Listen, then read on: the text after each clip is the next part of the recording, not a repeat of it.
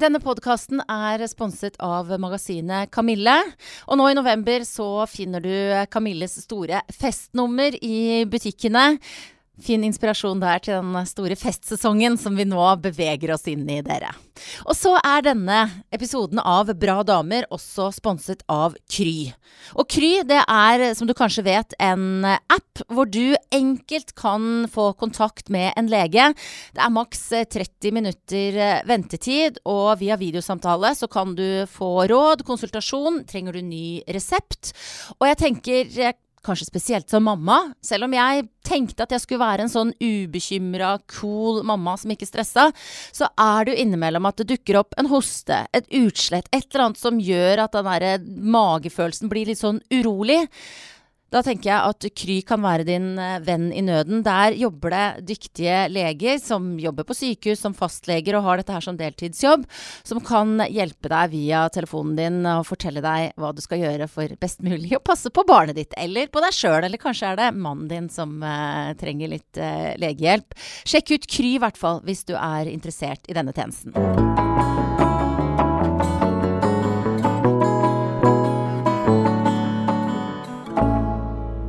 Dette er podkasten Bra damer. Og hvis du syns jeg prater med en litt sånn, jeg vet ikke, kanskje mykere og litt annerledes stemme, så er det fordi at dagens episode den spilles inn i det samme studio som jeg vanligvis bruker, men strømmen har gått. Så det er helt mørkt. Og på bordet foran meg så står det et stort stearinlys, eller så er det helt svart inne i rommet. Men det er akkurat nok til at ansiktet til min vakre gjest lyses opp.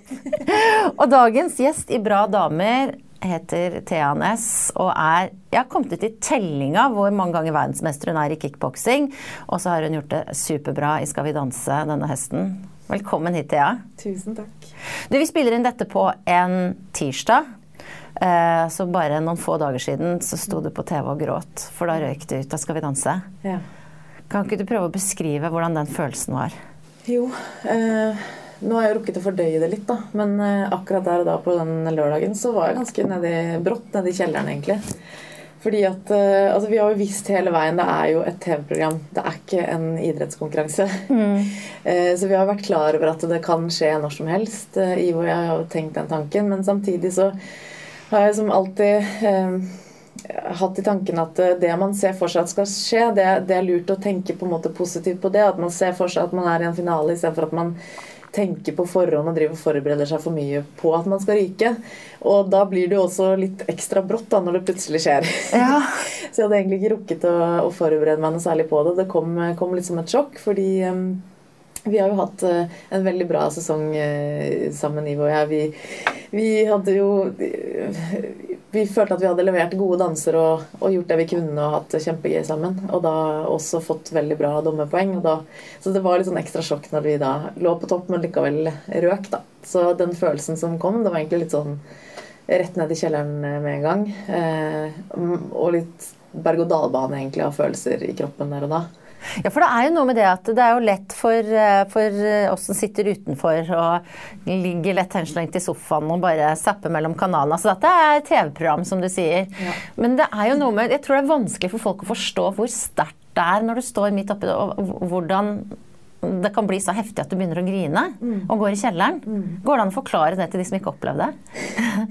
Jeg tror at grunnen til at det blir så sterkt, er fordi at eh, For det første så har vi, vi, jo, vi startet jo 6. august, så det her var jo nesten tre måneder etterpå med intens eh, jobbing. Og det gjelder jo alle parene.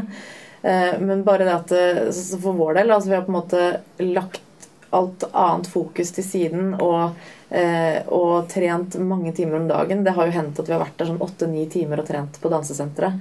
Så det blir jo liksom Alt dreier seg om det. Alt dreier seg om den mestringsfølelsen du ønsker å få til å vise på, på parketten. Eh, og da, da, blir det liksom Det blir så tomrom, da, når det plutselig er over. Mm. Eh, og så er det også det å kjenne på at eh, Eh, de, alle de gode og herlige tilbakemeldingene fra folk underveis. Folk har vært så utrolig engasjerte og støttende og kommet med motiverende ord på veien. Så man føler også at man skuffer de, da. Oh, ja. eh, så det, det, har jeg kjent litt på. At det er Oi, nå, nå, er det brått over, og alle som har heiet på oss eh, Nå plutselig så, så, er, så er det sånn eventyr over. Eh, det, var, det var tøft. Men, Men du, det der at du har gått inn i det med den altså liksom si åtte-ni timer med dansing hver dag og sånn. Det er jo sånn Du har gått inn i det som den toppidrettsutøveren du er. Er, er, det, er det, på en måte med deg i det meste du gjør? Den, den bakgrunnen og den karrieren du har? Um, ja, jeg tror jo at man, man, blir jo formet av det man driver med. Jeg er jo et konkurransemenneske, men jeg, jeg er jo egentlig det mest på de tingene som jeg føler at jeg jeg går all in i.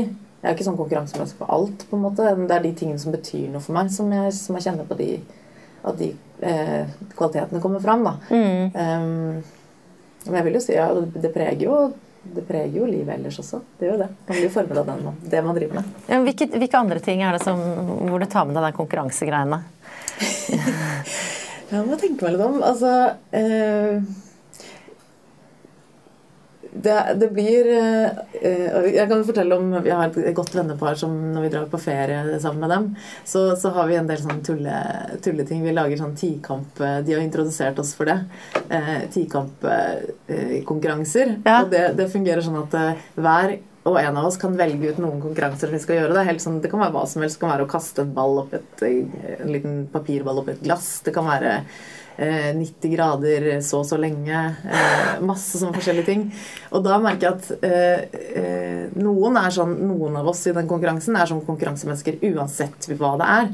Mens jeg blir mer sånn det her, det her, Akkurat denne burde jeg få til, og der og da blir jeg skikkelig konkurransemenneske. Mens på de oppgavene som jeg ikke har liksom helt troa på, da får jeg ikke liksom den samme følelsen fram. Da. Så det er de tingene hvor du veit at du kan vinne, da, bare, da, blir du helt sånn rå at du må vinne? Ja, da betyr det mye mer. Ja. Det, det, andre det er liksom greit hvis noen andre tar, da. Ja. Men du, Jeg sa jo litt sånn skjødesløs research her, men innledningsvis at jeg hadde gått ut av telling på hvor, hvor mange ganger Altså er det syv ganger du er verdensmester i kickboksing? Ja. hvilke av de øyeblikkene er det du har hatt i ringen som på en måte har festa seg mest i, i minnet ditt? Um, jeg tenker at det er den første gangen jeg ble verdensmester. Um, fordi uh, det måte Det, jo, det ble jo tidlig en, en drøm. Uh, og en litt fjern drøm. Og det øyeblikket hvor det, hvor det da jeg, jeg, husker at jeg sto i ringen, og gikk, jeg klarte ikke helt ta det innover meg. Men, men, bare altså, den lettelsen når det først går opp for deg at vet du hva, det, nå har jeg klart det hovedmålet mitt som jeg satte meg fra start. Mm. Den følelsen eh, klarer jeg å kjenne på litt innimellom, eller trekke fram litt innimellom. Og det å våkne opp om morgenen eh, med et smil om munnen Det første du tenker bare Herregud, jeg har klart å nå det største målet som jeg har satt meg. Den følelsen kommer jeg aldri til å glemme. Og det, mm. det var absolutt sterkest første gang. Og så er det så er det, Man kjenner jo på den de andre gangene også, men det er noe med Den blir på en måte som en ja, Eller det er den første gangen som, som jeg kjenner på mest, da. Som er mm. sterkest. Når du er i ringen og er i kamp, eh, hvor mye, hvor mye tenker du da? Prøver egentlig å ikke tenke så mye. Det er litt av, um, litt av utfordringen også. Fordi at det er så kort tid og eh, altså, Kickboksing er veldig intensiv idrett. Det er sånn eh, i, eh, i amatør, altså de mesterskapene som er turneringer, eh, så, så, er det tre ganger to minutter. Proff er litt annerledes, da er det ti ganger to minutter. Men, men, i da turneringene så er det Du, du har tre, tre, ganger to minutter å, å gjøre jobben på. Eh, og da gjelder det å være i situasjonen og være i nuet. Fordi jeg vet jo hva jeg selv er god på, eller hva, hva, slags våpen på en måte jeg har. Men jeg, jeg, vet også at den som står overfor meg, har lyst til å ødelegge for meg. Mm. Den har jo også lyst til, hun har jo også lyst til å vinne. Mm. Så det gjelder å på en måte ikke tenke så mye, men prøve å være i situasjonen og lese situasjonen. Eh, være i øyeblikket og løse det som kommer, da. Ja. Og bare smelle løs. For det, og det er jo, ikke sant, det er jo sånn Mange tilnærmer seg boksesporten, og spesielt da kanskje med den kickboksing og med skepsis fordi at uh, det fremstår som aggressivt og skummelt, ikke sant. Mm. Eh, og så er det en veldig sånn kontrast til det folk sier om deg. Sånn, du kommer kaffe til meg her i dag, du er så blid og omtenksom. Men uh, jeg har jo også sett fjeset ditt. Eh, når du står klar til kamp. Og det er ikke mye 'skal jeg ta med en kaffe til deg', smilefjes-stemning da. da. Altså, hva, hva, gjør du, den switchen som du helt tydeligvis gjør der, ja. hvordan foregår det? Det er et godt spørsmål. Det er jo, det som jeg, jeg må trekke fram, som jeg syns er så fint med idrett, eh, og som jeg kjenner veldig sterkt på, er at det, det er så kult nettopp den kontrasten da, fordi at det er, idrett er sport. Det skal være sportslig. Og stort sett så er det sånn. Så jeg, jeg, når vi går inn i ringen, eh, så er jeg jo fokusert og klar for kamp, men vi hilser alltid på hverandre og kanskje gir en klem. Og i hvert fall Ja. etterkant av kampen så er det det å gi hverandre en god klem. Men akkurat idet bjellene ringer og du skal til å fighte, så er det en sånn felles forståelse mellom meg og motstanderen at dette her, eh, dette her, eh, dette her er kamp, dette her er krig. Men, men eh, siden det er likt, så er det liksom greit. Altså man vil Ja. jo på en måte man vil jo prøve å treffe hverandre hardt, men, men det er på en måte greit, for det er på samme premisser. Ja, forstår jeg. Men så, så det å switche over til det, det, det handler egentlig mest om å finne fokus og kjenne, kjenne på den der eh, jaktfølelsen, da. Det er det jeg kjenner på når jeg går kamp. Ja, og da ser man jo gjerne liksom eh, treneren som liksom gir deg noen sånne slag på bicepsen, og at den der klassiske sånn der Når man har sett på boksefilmer eller kamper, liksom, liksom slå i fjeset sånn. Våkne litt. Ja, hva, hva det, hvorfor gjør man det egentlig? Eh, Det gjelder jo å være så Jeg snakker jo om dette å, å være i situasjonen. eh, Være i øyeblikket. Og ikke tenke så mye, men, men å lese situasjonen. Og da må man ha blikket med seg. Man må være skjerpa, man må være til stede og klar. Eh, og da kan det hende at det hjelper. Man er jo forskjellig på de tingene der. Men, men jeg også kan liksom slå meg litt i kinnet eller å bli slått litt på bicepsen eller på lårene eller alt Ja. ettersom. Bare for å våkne litt, rett og slett. da. Eh, det hender jo faktisk noen kamper at eh, at eh, jeg har kjent på at jeg har faktisk har tenkt litt for mye. At jeg har tenkt at jeg skal gjøre sånn eller sånn. Men det er det ikke tid til. Du må bare reagere i øyeblikket. Eh, og da, da har det hendt at jeg må ha faktisk måttet ta et par treffere før jeg har våknet. da. Eh, men, eh, så det gjelder jo egentlig å prøve å finne det fokuset før man setter i gang med kampen. Jeg kjenner ofte på at det kan være godt å liksom, skrike litt, faktisk. Være litt sånn, Prøve å finne litt uh, jording. Oi! Oi, nå kom strømmen på igjen. Oi, oi. Vi har stearinlyset vårt her fortsatt. Nå kan jeg se som nå har Thea sitt ansikt vært opplyst litt sånn nedenifra. Sånn, og nå kommer vifta på. Jeg skal bare skru av vifta så ikke den bråker svært. Men nå ble det veldig Ja ja, vi får ha det litt sånn Jeg skrur av det verste lyset her, Thea, sånn at vi kan beholde det lite grann, litt lite grann sånn eh, koselig her fremdeles. Ja, ja, og det var morsomt, for akkurat når du snakka om å finne der Om å liksom finne og bli litt sånn, så da kom lyset på som en illustrasjon på, på det du snakka om.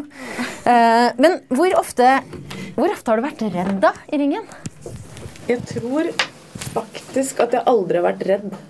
Men det tror jeg handler mye om Altså, jeg har vært redd i forkant. Eh, Jeg, vært, jeg blir alltid fryktelig nervøs før jeg skal gå kamp, uansett om det er en stor kamp, eller om det er en, en kamp som kanskje Altså om det er et VM, eller om det er en, eh, en, en kamp som ikke betyr på en måte like mye.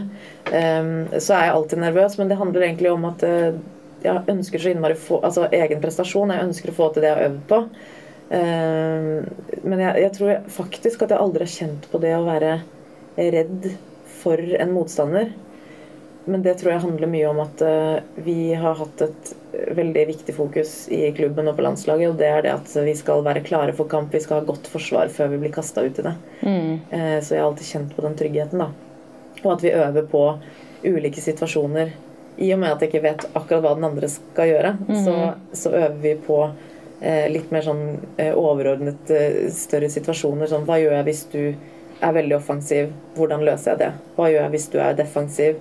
Hvordan løser jeg det? Hva skjer hvis sånn og sånn? I litt sånn større bilde, sånn at jeg er eh, rustet for det som skjer. Da klarer å reagere i øyeblikket. Og det gir en trygghet. Men er det andre ting som gjør deg redd? For jeg tenker jo automatisk når jeg har sett deg i aksjon, både, både på dansegulvet og i bokseringen, at eh, du er veldig tøff.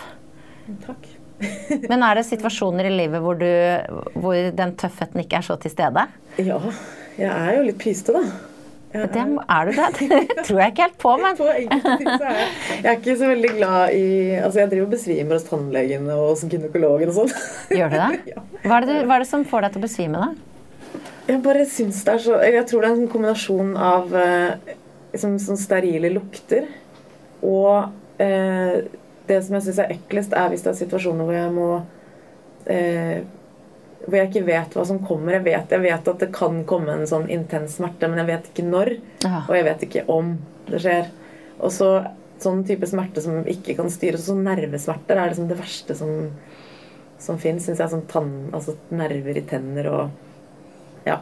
Det, det syns jeg er det verste. Så, og spesielt hvis du har tatt bedøvelse, og du er ikke helt sikker på om den liksom funker helt. Og så kjenner du lukten og de lydene, og det er, bare, det er et eller annet som skjer meg. Jeg bare svimer av. det er flaut. Har det skjedd flere ganger? Mange ganger. Oh, ja. Så du er en litt sånn spesiell du, Men du må jo gå til tannlegen innimellom. Hvordan løser du dette her, da? Jeg har en veldig skjønn tannlege da, som er eh, supereffektiv. Det er sånn jeg nesten ikke merker at hun eh, jobber inni der. Men, eh, men, i de situasjonene hvor jeg har faktisk måttet, altså, trukket visdomstenner og sånn, ja. da har det skjedd. Da har jeg besvimt. Og da har jeg sagt fra. Nå har jeg begynt å si fra på forhånd da, hos tannlege og nå også sist hos gynekolog. Svimte du av der òg? Jeg har gjort det, faktisk. Oi, oi, oi. Jeg syns det er så ekkelt, for jeg vet jo ikke hva de holder på med. Jeg vet ikke hva som skjer, og så er det bare ja, det vel, Jeg vet ikke. Jeg tror jeg bare stresser. Ja. For jeg vet ikke når den smerten Og det er egentlig ikke, altså smerten er jo grei for så vidt. Jeg, jeg, skjønner, jeg skjønner ikke helt hva som skjer selv. Jeg. Men det er vel kanskje nettopp det at det er et eller annet du ikke har kontroll over, da, og så blir man liksom litt sånn eh, skremt av det. Ja, det er mange som kjenner seg igjen i det, tror jeg. Selv om de kanskje ikke har besvimt Nei, det er vel mange som svimer av hos tannlegen, tror jeg. Jeg håper det. Ja. jeg håper ikke det, egentlig. Jeg bare håper om ikke å være helt alene om den situasjonen. Ja. Men eh, hva, hva, er du, hva, er det du, gjør da for å på en måte eh, prøve å forberede deg på de situasjonene som da tydeligvis er ganske ubehagelige for deg? Mm. For det første så liker jeg å si fra da, at eh, vet du hva, det kan hende jeg besvimer, altså, for det har jeg gjort før. Mm. Eh, så da, og da er det veldig godt å kjenne på at, de, at det blir tatt alvorlig. For det, noen kan, ville kanskje bare slengt ut det som sånn morsomhet, men for meg så er det jo faktisk reelt. Ja. Um, men også så, så jeg pleier å si fra også hvis jeg kjenner at å, vet du hva, nå må jeg puste litt, fordi nå kjenner jeg at jeg blir stressa. Men ofte så Jeg har fått høre at nå ser de at det, fargen bare forsvinner. da. Så da, da, pleier jeg å bare ta en pause. Så, men det er også litt sånn ekkelt å kjenne på, for jeg vet jo at jeg er der i en time, eller jeg har liksom en time, og det kommer folk etter meg. Og det er liksom en litt stressende situasjon. Jeg har ikke lyst til å liksom, bruke masse tid på å besvime, og de må vente og Litt sånn på samme måte som at du syns det var litt sånn trist å skuffe de som heia på deg i Skal vi danse. Er du, er du opptatt av å ikke være til bry? Jeg liker jo Ja. Jeg, jeg syns det er hyggelig når alle har det bra, egentlig. Og at alle er fornøyde. Mm. Det har egentlig alltid vært. Så jeg kjenner litt på de tingene der. Jeg, prøver, jeg jobber jo med det da, fordi jeg jobber med på en måte ikke ta ansvar for andres følelser. Men det er noe som egentlig som jeg, jeg kjenner litt på innimellom at jeg, jeg, jeg liker veldig godt når andre rundt meg har det bra. Mm. Eh, det, ja. Men det er jo fint å ikke liksom, ta ansvar for andres følelser. Det klarer jo alle fint selv. Det, det, er noe jeg faktisk jobber ganske mye med. Ja, Hvordan gjør du det? Nei, Jeg prøver å gjøre meg bevisst på det, og så har jeg en veldig god mor, en klok mor, som jeg snakker mye med. Um, og hun også hjelper meg med å sortere de tingene som, som jeg syns er litt eh, ja, det, det, er ting som jeg kan lære i løpet av livet. Da, som det er godt å ha en mor å snakke med. Ja, Har dere alltid hatt et nært forhold? Absolutt. Mm. Og det er eh, Og mer og mer, egentlig. Og det er så hyggelig. At man Jeg blir jo eldre, og hun blir jo eldre, og man lærer jo hverandre å kjenne også på veien, de nærmeste. Det er jo så fin ting. Hva er det viktigste du har lært av henne, tror du? Det viktigste jeg har lært av henne, er å følge hjertet mitt. Fordi um, Sånn som med kickboksing, f.eks. Det var jo noe jeg begynte med eh, rett etter Altså, jeg begynte med som 15-åring. Og jeg ble jo også grepet av det. Eh, og jeg har jo satset fullt og helt på det. Og utsatt f.eks. utdannelse i mange år. Og det har jo vært sånn spørsmål utenfra. Hvorfor tar du ikke, burde du ikke, burde ikke de ditt og datt? Mm. Eh, mens, mens, hun alltid altså, minnet meg på at det er viktig å følge hjertet mitt. da. Mm. Og det kjenner jeg på at det er, er, veldig godt, fordi jeg har troen på at hvis man følger hjertet sitt, så eh, og kjenner etter, Jeg blir flinkere, flinkere og flinkere til å kjenne etter hva er det som er riktig for deg akkurat der og da. Å Bli kjent med seg selv, eh, så vokser man på det, og man blir lykkelig. Mm. Det har hun lært meg. Hvor vanskelig syns du det er å, å følge det rådet? Det å gjøre det hjertet sier at du skal? Det er, eh, det er, noe jeg jobber med hele tiden, egentlig. Altså, det kan være i små situasjoner, det kan være i større situasjoner. Eh, men jeg tenker at eh, Jeg prøver å minne meg selv på, og jeg også snakker med henne, og er, jeg tenker at det er ekstra viktig i det samfunnet vi lever i i dag. fordi at det er, Man blir så preget av f.eks. sosiale medier hvor derfor det, man, det skapes en forventning om ditt og datt, og man Jeg tror man Jeg tror man prøver å være det man ikke er ofte. da, fordi at det, det er nesten umulig å unngå å bli preget av det. For det er så massiv, massivt alt som skjer der ute, og alle bilder som legges ut, og alt. Um, så det er, jeg, jeg, prøver å tenke på det hver dag. Mm. Man skal følge hjertet sitt og gjøre de tingene man har lyst til. Og alt til sin tid. Og man har jo forhåpentligvis et langt liv å, å prøve ut nye ting og, og lære nye ting og eh, bli kjent med seg selv. Da. Og hvis man, hvis man følger hjertet sitt eh, og gjør det som gjør en lykkelig, så tror jeg også det er rom til eh, rom til å gi energi til andre, da. Mm. Og så er det jo mange som sikkert eh, følger deg nå, da har deg som et, uh, et, forbilde. Og kanskje nå kjenner hjertet sitt at de skal prøve å, å få til noe av det du har fått til. Hva, hvilke tanker har du om det å være et sånt forbilde sjøl? Eh, jeg tenker jo først og fremst at det er veldig hyggelig og hvis, det er, hvis, jeg, hvis, man, ja, hvis, man, kan være et forbilde. Men det gjør jo også at jeg tenker at jeg må være enda mer bevisst på hvordan jeg er. Eh, ikke sånn at det skal være så strengt, men sånn at eh, Jeg vet at det er mange unge som, som f.eks. kan se opp til meg, og jeg jobber jo på, jobber på eh, Vang toppidrett og Vang ungdomsskole, så jeg er jo bevisst på det i hverdagen også. Så, og det eh, Det som jeg kjenner på, er jo at det, den bevisstheten det gjør at jeg også lærer mye om meg selv. og lærer, altså Det å være mer bevisst eh, jobbe med det, det gjør at jeg lærer mer om meg selv også. Mm. Hvordan har det vært gjennom eh, Skal vi danse-sirkuset nå? For det, selv om du er en eh, veldig profilert eh, idrettsutøver, så har jo det vært en sånn der eh, spotlight på deg nå på, eh, gjennom hele Skal vi danse. Eh, hvordan har du opplevd det? Det hadde vært utelukkende positivt. det er sånn nå er det fortsatt ganske ferskt, da, alt mm. sammen. Så jeg, jeg, det synker liksom gradvis inn, eh, alle inntrykkene. Um, men bare det at folk har brydd seg på den måten de har brydd seg, sendt meldinger, folk jeg ikke kjenner, eh, og folk på, stopper på gaten og så forteller hvor mye de heier på oss. og det har vært utelukkende positiv eh, stemning og motivasjon fra folk både nære og kjære og fjerne og store og små. Eh, så det har, vært, det har, vært, kjempegodt å kjenne på. Så du har ikke hatt den behovet for å gjemme deg bort og være usynlig? Nei, fordi alt har egentlig bare vært superpositivt. Og det må jeg også berømme de som har laget dette her. Da. Altså de, de får oss til å skinne. Mm. Eh, de gjør jo alt for at vi skal få til eh, fine danser, og produksjonen jobber på spreng for at, for at nettopp eh, dansen skal komme fram i det lyset den eh, er blitt laget, med alle TV-bildene. Og det er helt utrolig hvor mange eh, hvor mange forskjellige arbeidsoppgaver det er. Da. Jeg snakket med en i produksjonen som jeg visste ikke at den stillingen eksisterte engang. Men en som styrte lyssettingen på alle kameraene, sånn at man skulle se at det skulle sammensvare med alle bildene. da, Så ja. man måtte følge med på alle de forskjellige bildene og styre lyset. Altså det, det er et enormt maskineri som, som, jobber på spreng. Det er svære greier, da. og Jeg bare prøver å sammenligne det med den verdenen du vanligvis danser rundt i. Er, hva er det som er ditt viktigste team? Altså Du har treneren din, og så har du kjæresten slash treneren. Ja. Det er de, liksom, Når jeg ser deg, så det er det de som er liksom tettest på deg. Ja. Hva, hva, hva, er det som er viktig i den lille, den, det lille maskineriet der? det lille maskineriet er, eh, betyr veldig stort. Det må jeg mm. få si. Eh, og det, det, som eh, er viktig der, er at vi over flere år så har vi jobbet som et godt team og hele tiden på en måte vi har blitt kjent med hverandre og lært, vi har lært hverandre å kjenne og hvordan vi skal kommunisere med hverandre.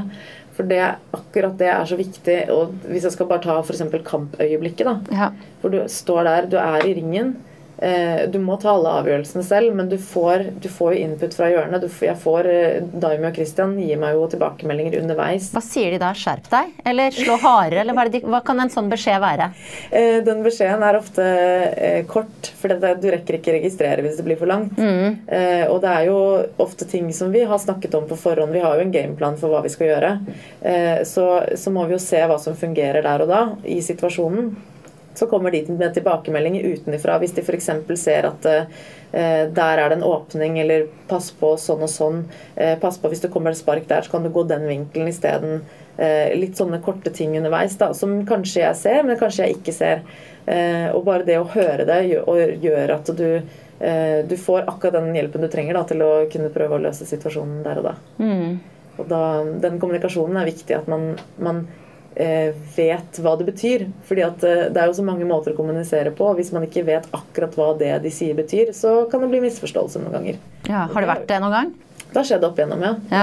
Da, vi- vi evaluerer jo etterpå også, og da kommer vi jo fram til at å, ja, men det var ikke det, var ikke det jeg mente. Å. Å ja, ok. Ja, men da må vi bli tydeligere på det neste gang. Men er det sånn at det er det blitt misforståelser sånn at dere krangler da? Nei. Nei. Aldri. Aldri? At, nei. Jeg, jeg vet at de er der for å De gjør en, en utrolig eh, dyktig jobb, og de er jo der for meg. Og bare det å kjenne på det er jo en trygghet i seg selv. Og jeg vet jo at de prøver å gjøre aller, aller, altså sitt aller, aller beste. Eh, og det gjelder jo det samme for dem. De står jo utenfra i den situasjonen. Ingen vet hva som kommer til å skje. Så de, de prøver bare å lese situasjonen på samme måte som jeg prøver på. Mm. Men, men det å ha, eh, ha kjæresten din også som eh, trener har, har han, eh, Hva ble han først? Kjæreste eller trener? Han, vi har trent sammen i mange år, så Ja, han har vært først kjæreste. ja. Ja.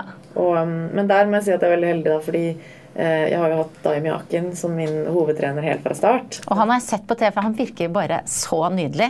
Jeg drømmer om å ha han som trener sjøl. Bare begynne. Bare med kickboksing. Dere som ikke vet hvem vi snakker om, bare google han, se et intervju med han. Han virker bare så bra. Men ja, jeg avbrøt deg. Mm. Nei, altså han, han har betydd veldig mye for meg helt fra start. Eh, jeg er jo så heldig å ha den samme treneren fra da jeg begynte til nå. Han står jo på en måte på utsiden og, og eh, kommer med tilbakemeldinger ut fra det han ser. Eh, og så Christian, han, han har jo vært utøver lengst, og så har han blitt mer og mer trener. Eh, mens på øktene så er han ofte med oss og eh, gjør oppgaver med oss. Eh, og da, da på en måte kommer han med tilbakemeldinger i situasjonen, så vi har på en måte fra begge vinkler. da, og det er litt kult. Men, men, men kan det ikke være litt slitsomt? Det er jo snakk om å ta med seg jobben hjem. på en måte. Det er sånn, Hva gjør dere en eh, ja, Nå har ikke du vært hjemme så mange helger, da. du har og dansa hele tida. Men hvis du skal slappe av en, en kveld eller ha en romantisk kveld, hva er det du og Christian gjør da? For det første er vi veldig flinke til å ikke snakke så mye kickboksing når vi er hjemme. For det tror jeg, det er, som du sier, å ta med jobben hjem, det blir det tror jeg kan bli litt overload. Eh, Det er viktig å, å skille på ting, og at man ikke blander ting for mye, for da tror jeg man kan gå litt lei. Mm. Eh, Så det er viktig at, eh, at vi faktisk er kjærester når vi er sammen. Men Jeg tror vi er ganske enkle der, egentlig. Jeg syns det er veldig deilig å bare være hjemme og spise en god middag og kanskje slappe av litt i sofaen. Og ja, Det syns jeg er veldig ålreit. Mm. Det trives vi med. Men hvor mye sånn nedetid har du? Altså, hvor mye, hvor mye rolig ligger du i sofaen? Eh, jeg tror faktisk en del, for jeg er så dårlig på å legge meg. Jeg syns det er så koselig å bare slappe av litt eh, i sofaen, og da blir det ofte litt for sene kvelder. Egentlig burde egentlig bare gått og, at vi burde gått og lagt oss med en gang, men eh, det er så deilig etter en hektisk dag å bare ligge og se på eh, komedier eller Jeg syns det har blitt så mange bra norske ting eh, om dagen, med Brille f.eks. Ja. Ja. ja, så gøy. Sånne ting som får oss til å le, da. Det, det syns vi er veldig deilig å avslutte dagen med. Mm. Du, jeg tenkte på, jeg har jo intervjua deg en gang før. Da snakka vi så vidt om det. Det var i et program som het Ettermiddagen. Og andre som har sett eh, intervjuer og portrett av deg, vet at da du eh, var ganske tidlig i boksekarrieren din, så var du eh, kjempetynn. Du veide 48 kilo, har jeg lest et sted. Jeg vet ikke om det er et tall jeg har dikta opp, men var ganske dårlig. Før det snudde. Hvordan var den perioden for deg? Hva husker du fra det? Da når du var såpass spiseforstyrra? Jeg kan si det. det eller? Hvordan vil du beskrive det selv? Ja, jeg synes Akkurat det å snakke om det her synes jeg er faktisk vanskelig. For jeg synes det det er vanskelig å finne de rette ordene. Ja, det forstår jeg. Og så er det så lenge siden. Um, så når jeg skal snakke om det, så, så pleier jeg å trekke fram at uh, den eneste grunnen til at jeg snakker om det, er fordi at uh, jeg ønsker at uh, at unge mennesker skal bli litt skal jobbe med å være trygge på seg selv og ikke bli revet med av å sammenligne seg med andre osv. Fordi da ender man ofte opp i en sånn situasjon hvor man kan eh, komme litt på avveie. Da. Um, men eh, så, så, det, er det, er, det, er så lenge siden, så det er vanskelig å liksom huske alt nøye. Men eh, det var egentlig bare, altså det begynte bare med at jeg, kroppen var i endring. Jeg var jo, gikk jo fra å være barn til å bli voksen, og kroppen var i endring. Og jeg syntes det var ubehagelig. Det kom så brått på. Det er jo sånt som skjer med hormoner er i sving, og plutselig så kjente jeg meg ikke igjen i egen kropp. Og jeg, jeg liksom bestemte meg for at det her syns jeg ikke noe om, det her, jeg, det her vil jeg ikke at skal skje. Um, og det begynner jo liksom sakte, men sikkert. Jeg, er en veldig sånn bestemt person. da. Så når jeg først bestemmer meg for noe, så det, så, ja, så går jeg liksom all in. Um, så jeg trente liksom mer og mer og begynte å kontrollere mer og mer hva jeg spiste. Um, og det fokuset ble veldig Eller jeg lagde sånn strengt regime for meg selv som gjorde meg egentlig ulykkelig. Um, uh, ja, vanskelig egentlig å snakke om det fordi det er så lenge siden og vanskelig å finne de rette ordene. Jeg, jeg mm. syns det er vanskelig å snakke om det fordi jeg er så redd for at det skal bli blåst opp. Ja, jeg forstår. Tenker at det er så mange som er i en sånn situasjon. Eh, men jeg hadde kjempegode mennesker rundt meg. Jeg hadde mamma og pappa, og jeg hadde venner og eh, familie eh, og trener som prøvde å, å vekke, vekke, meg litt opp da, og få meg til å forstå hva det du ser hva du driver med. Mm. Ser du hvilken spiral du er på vei til å inn, gå inn i? Eh, men det er noe med at når du er så fast bestemt på noe, så er det vanskelig å lytte til også mennesker du er glad i. da. Um, men eh, det var flere ting som fikk meg ut av det. Og jeg var aldri jeg må bare si, jeg var aldri på en måte, det var aldri noe det kunne ha gått gærent, men, mm. men, jeg klarte å komme meg ut av det med god hjelp før det gikk veldig langt. Um, og det var jo en, altså to ting som, som, jeg husker nå, da, eh, som gjorde at, eh, at, jeg klarte å komme meg ut av det. Det ene var at jeg, jeg elsket kickboksing. Og jeg hadde veldig lyst til å gå kamper. Eh, og jeg så at eh, venninnene mine som gikk på kickboksing, de på en måte for litt ifra meg fordi de, de var sterke i kroppen, og de eh, var glade og, og fornøyde med, med, seg selv. Eh, og, og, jeg hadde kjempelyst til å gå kamper, men jeg ble holdt litt tilbake. Eh, fordi at eh, Daimi sa til meg at du er nødt til å du er nødt til å bygge på muskelmasse, du er nødt til å spise godt. Fordi det her er et tøft game, og du er nødt til å være rusta for det som kommer. Eh, så det var litt sånn tøft å kjenne på, men mer å bli minnet på det stadig vekk. Eh, og også se at eh, at det lønte seg å, å, å trene godt og spise godt med de altså venninnene mine rundt meg. I samme situasjon så, så, så, vekket jo det litt tankene på at kanskje, det, kanskje dette jeg holder på med nå, ikke er så bra. Mm. Um, og så en annen ting er jo at det var mamma som, som, som uh, snakket om at eh, Eller fikk meg til å innse at dette du holder på med nå Hvis du ser for deg dette over lang, lang tid, er det verdt det? Det er vanskelig igjen å finne de rette ordene uten at det blir måte misforstått. Men, men det jeg kjente på, var at jeg ble så selvsentrert på en sånn negativ måte. Og det var ikke noe godt å kjenne på den følelsen. Og i tillegg så eh, Når jeg var ute med venninner f.eks., og vi skulle spise eller drikke en, en, en mokka, så var det sånn at jeg, uansett hva jeg gjorde, så begynte jeg å eh, tenke på altså Det var det som var i fokus. Jeg begynte å sammenligne meg. Og nå spiste hun det, og jeg spiste det, og hvordan er det? Og jeg, den sammenligningen var så, var så vond å kjenne på, da. Eh, og den, eh, det som ble mer og mer klart for meg, var det at er det, er det det som skal styre livet? Er det er det, er det, det å eh, være sånn selvsentrert og hele tiden eh, ha det usunne fokuset? Eller, vanskelig å finne ord. Men eh, det ble veldig snevert fokus, da. Og jeg, jeg, jo, jeg skjønner jo veldig godt at det er eh, at det kan være litt vanskelig å snakke om når det er så lenge siden, og i det hele tatt at det er en sånn sånn nær ting. Men det jeg mm. tror som er så uh, nydelig med at du gjør det, da, at du forteller den historien, det er jo nettopp det at du har vist hva man kan få til når man nettopp er venn med kroppen sin. Mm. Og når man spiser godt og trener knallhardt. For du kunne jo aldri fått til de prestasjonene om du ikke spilte på lag. Altså Du viser hva du får til med en kropp som fungerer. da.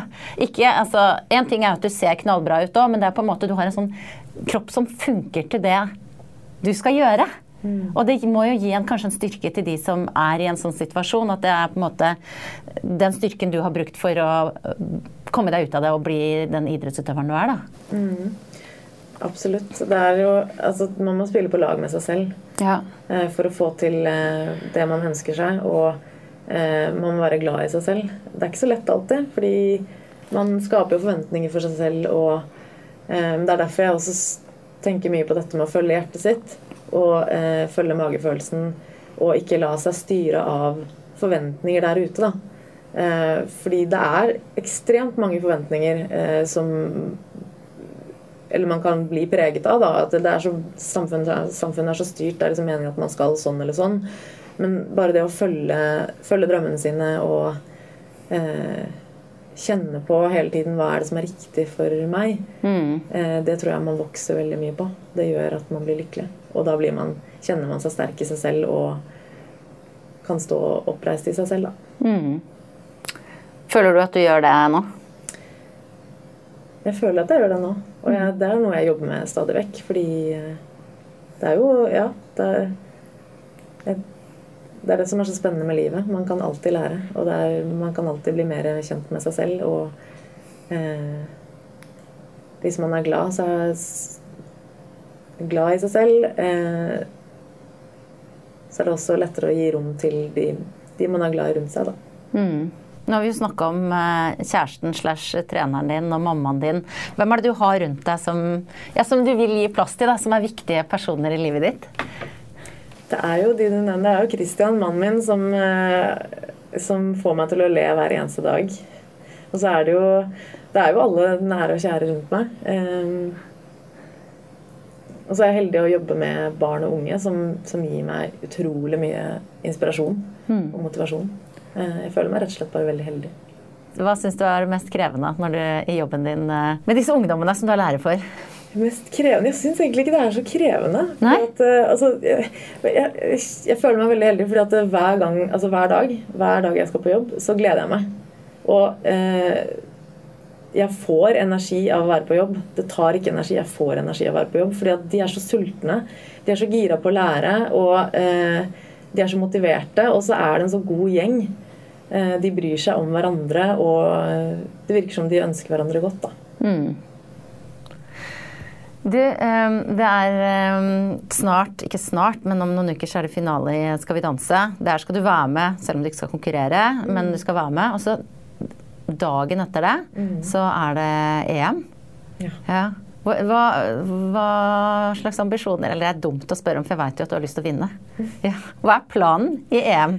Ja, um, det er eh, Det er jo litt sånn annen, annerledes inngang da, ja. til EM enn før. fordi at nå har jeg ikke hatt den samme oppkjøringen som jeg normalt pleier å ha. Uh, men jeg har jo hatt vanvittig stor glede av Skal vi danse. Og bare det å gjøre ting som motiverer, eh, og det å være glad, eh, og ha en lyst eh, det å være glad gir meg en lyst til å, nå til å kickbokse da, og til å være med i EM. Eh, og det tror jeg er en god inngang. Så selv om jeg ikke har hatt den samme oppkjøringen, så har jeg i hvert fall veldig Sulten er der. Jeg har Ja. lyst til å gjøre så godt jeg kan. Eh, men så må jeg også ta med meg at ok, det er ikke sikkert at det går til topps denne gangen, nettopp fordi at eh, jeg har ikke fått den muligheten til å ha den samme spissingen og forberedelsene som normalt. Men eh, men uh, lysten er der i hvert fall. Og jeg har lyst til å gjøre så godt jeg kan. Jeg har bare lyst til å se hvordan det går. Men klarer du å slippe det helt? Det der med å, å gå inn i et mesterskap, og så har du liksom ikke fått de aller beste forberedelsene. Klarer du å senke forventningene til deg selv? Uh, Jeg prøver å si det til meg selv, altså, som jeg sier nå, men uh, jeg jeg vet ikke helt om jeg klarer å slippe det. Eh, For jeg, den, altså, jeg tenkte på det faktisk i går, at den tittelen Første gang jeg tok den eh, Første gang jeg slo igjennom, var i 2008, i EM. Det betyr at eh, hvis jeg klarer å ta den EM-tittelen nå, eh, så har jeg hatt den EM-tittelen i ti år.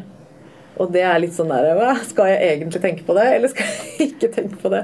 Skal jeg legge det press på meg selv, eller skal jeg bruke det som en motivasjon? Ja. Um, men jeg tenker at eh, litt som vi skal ved danse, da, jeg får bare gjøre så godt som, uh, som bare det. Altså jeg, jeg må være tro til meg selv og gjøre det, uh, det som føles riktig. Og gjøre mitt aller beste. Og er det godt nok, så er det godt nok. Det blir spennende å se, da. Du, jeg ba deg om å ta med en dings, en gjenstand, et eller annet som kan si noe om hvem du er. Ja. Hva har du tatt med? Um, jeg har tatt med litt forskjellig. Ja, få se, da. Ja. Thea finner fram veska si fra kroken her, som heldigvis Dette rommet er heldigvis ikke så mørkt som det var da vi starta. Så nå kan hun finne fram nedi sin svære veske. Det hadde vært litt spennende hvis du hadde måttet kjenne på de tingene. Ja, ja, ja. En slags liten selskapslek. Ja. Men nå får vi sett det også. Ok. Eh, Det første som slo meg, er tigeren. En tiger med et norsk flaggbånd rundt eh, halsen. Ja, han er kul. Han fikk jeg, han, eh, han fikk jeg eh, av pappa og Makta, kona, altså stemoren min. Eh, I mitt eh, første Eller ikke mitt første mesterskap, men det, eh, før VM i 2009. Og VM i 2009 var første gang jeg ble verdensmester. Ja. Og før jeg skulle dit, så jeg fikk med meg tigeren. Og da sto det den lappen og falt av, for den var sånn papirlappen ble litt slitt etter hvert.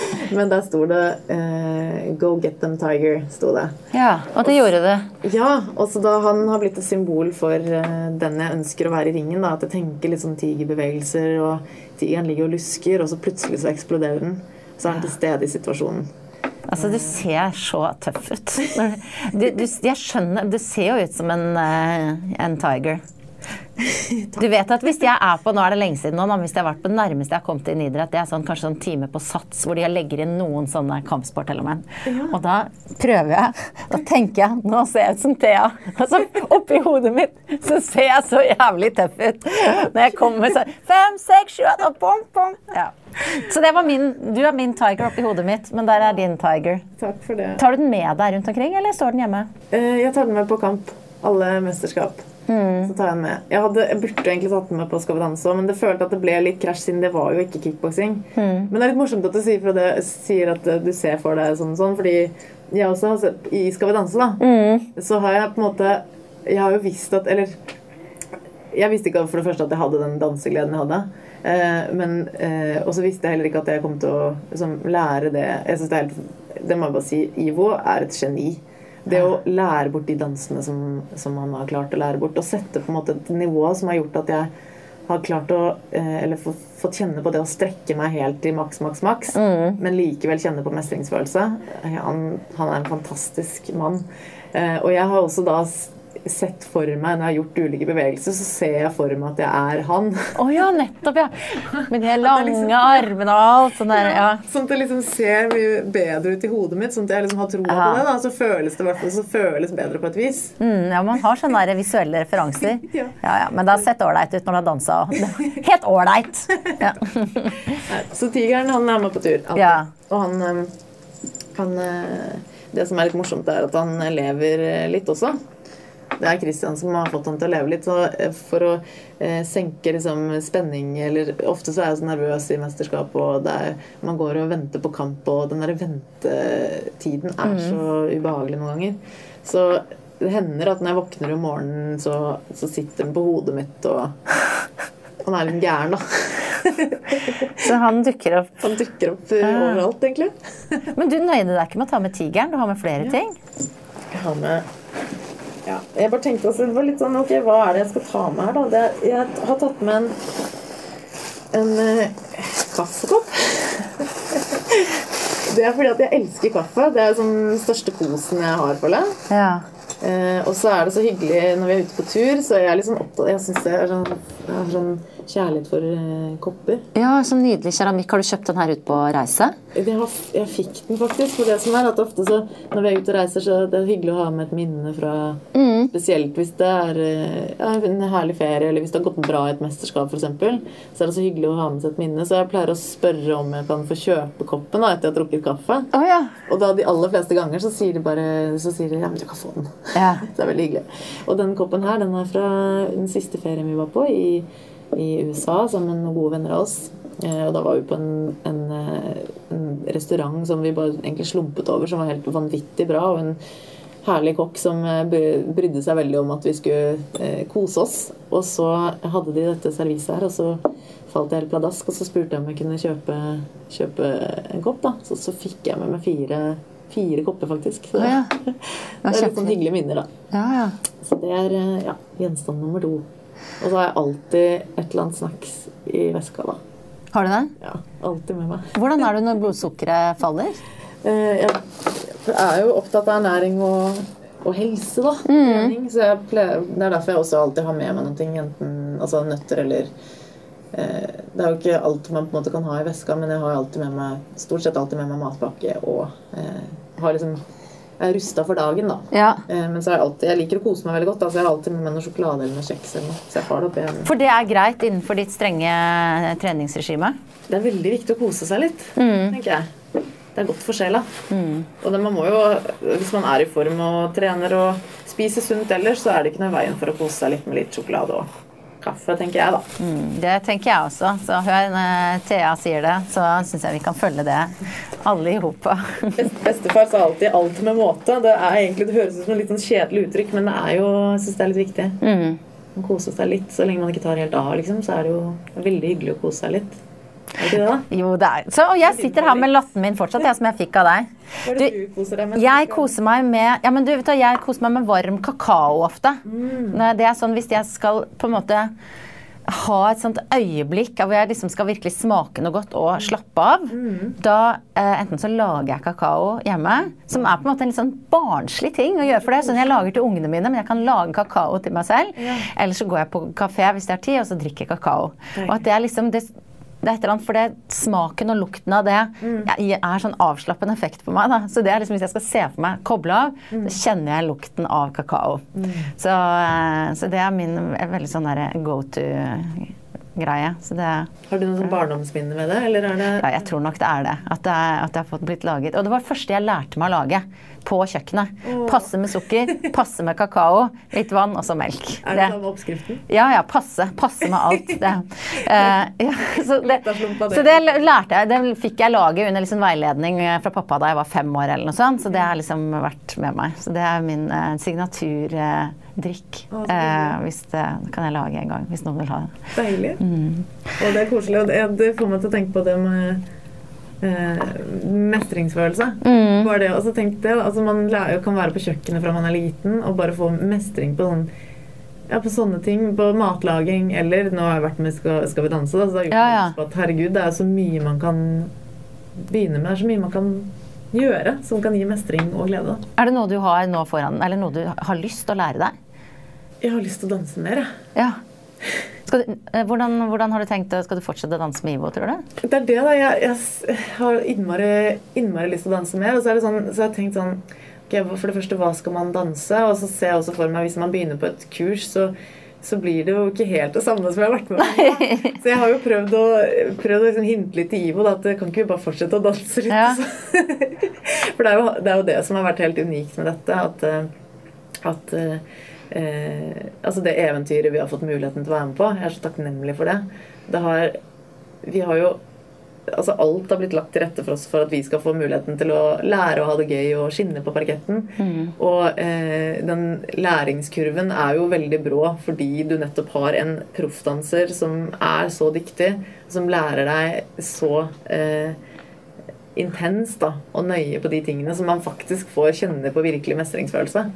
Eh, så jeg, jeg vet ikke helt hvor, man skal, hvor jeg skal begynne hvis jeg skal danse videre, men jeg har jo mest lyst til å danse med Ivo, da. Jeg har blitt veldig glad i han. Ja, det skjønner jeg godt. Du, jeg pleier alltid også, jeg har sånne tre faste spørsmål som jeg stiller til alle som er gjester her. Um, overfladiske og deilige spørsmål. Uh, hva spiste du til frokost i dag? Jeg var litt, eh, jeg var litt sånn uh, treig i dag morges, så jeg har spist halve frokosten. Det var en shake. Oh, ja! Fordi at det var kjapt og greit, liksom? Ja, Ja. Jeg liker egentlig å sette meg ned og spise en god frokost, men eh, ofte i hverdagene så blir det litt sånn på farten-greier. jeg er veldig glad i å sove lenge, så jo lenger jeg kan sove, så, så går det ofte utover på en måte det å sitte ned. Men jeg får jo gi meg næring, men gjerne på farten, da. Ja, nettopp. Hvor lang tid brukte du på å finne ut hva du skulle ha på deg i dag?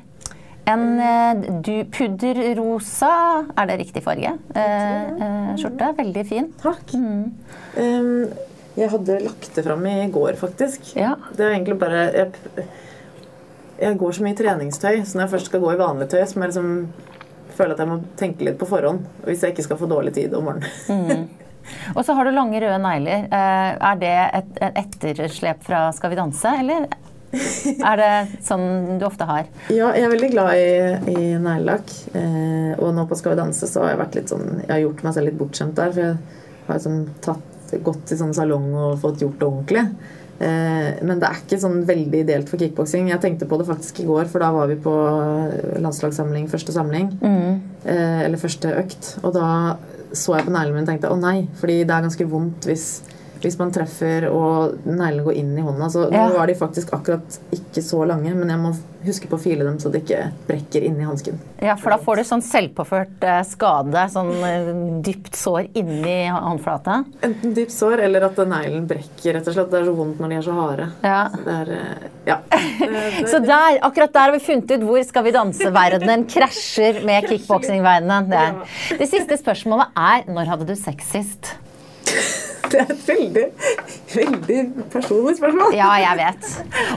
Nei, Ja. det, jeg kunne ha svart på det, men jeg bare føler at det blir helt feil når jeg jobber liksom, på ungdomsskole og Det er sant. Du har jo ungdommer som du skal se, øh, se i øynene. Som, ja, og barn. Ja. Så jobber, I klubb også så jobber jeg liksom med barn. Jeg, føler er sånn, jeg føler at det er litt rart å svare på når jeg jobber med det jeg jobber med. Som, hvilket ansvar er det du eh, tenker mest på? Det til eh, ja, si, foreldre og familie, og, eller til de ungdommene? Sånn når det gjelder de tingene du gjør, det du skal stå til ansvar for. Hvem er det du må skjerpe deg mest for? Jeg føler egentlig for barn og unge, da, fordi at de, de, så, de, altså, de suger til seg eh, ting som de er opptatt av rundt seg. Eh, så det er jo det jeg kjenner mest på, at det er viktig å passe på hvordan man formulerer seg, og, og at man har tro mot det man står for, og at man eh, ja, at man viser at man er trygg på seg selv og er glad i de rundt seg, og ja, vi er, ja, viser, eh, viser de tingene der, da. Du, I denne podkasten så har jeg intervjua Du er nummer 100. Er det sant? Du er Så hyggelig. Ja, bra dame nummer 100 er du. Det passa jo på perfekt. Et sterkt kvinnelig forbilde. Nå løfter jeg henda, så nå later jeg som jeg er Thea Nessa jeg sånn bok boksekul ut. Men hva eh, mener du kjennetegner en bra dame? Åh, det er så mange ting man kan eh, trekke fram av gode kvaliteter. Eh, men eh, jeg har lyst til å snakke litt om det vi allerede har snakket litt om. Ja. Dette med at, eh, at det er viktig å følge hjertet sitt. Fordi jeg tror at man vokser på det. Um, at det å følge hjertet sitt, det gjør at man blir sterk i seg selv. Og når man er sterk i seg selv, så eh, så gir man rom til andre og har glede av hverandre. Hmm. Glede av de rundt seg. Det er fine ord å ta med seg. Tusen takk for at du kom hit, eh, Thea. Tusen takk for meg, og gratulerer med 100 Ja, eller gratulerer med til deg, egentlig, som nummer 100. Det er jo kjempegøy. Ja, vi feirer med kaffe latte og kaffe medbrangt fra verdens greieste gjest, som har med kaffe til intervjueren. Og lykke til med EM, da. Tusen takk. Mm. Takk for meg. Takk skal du ha.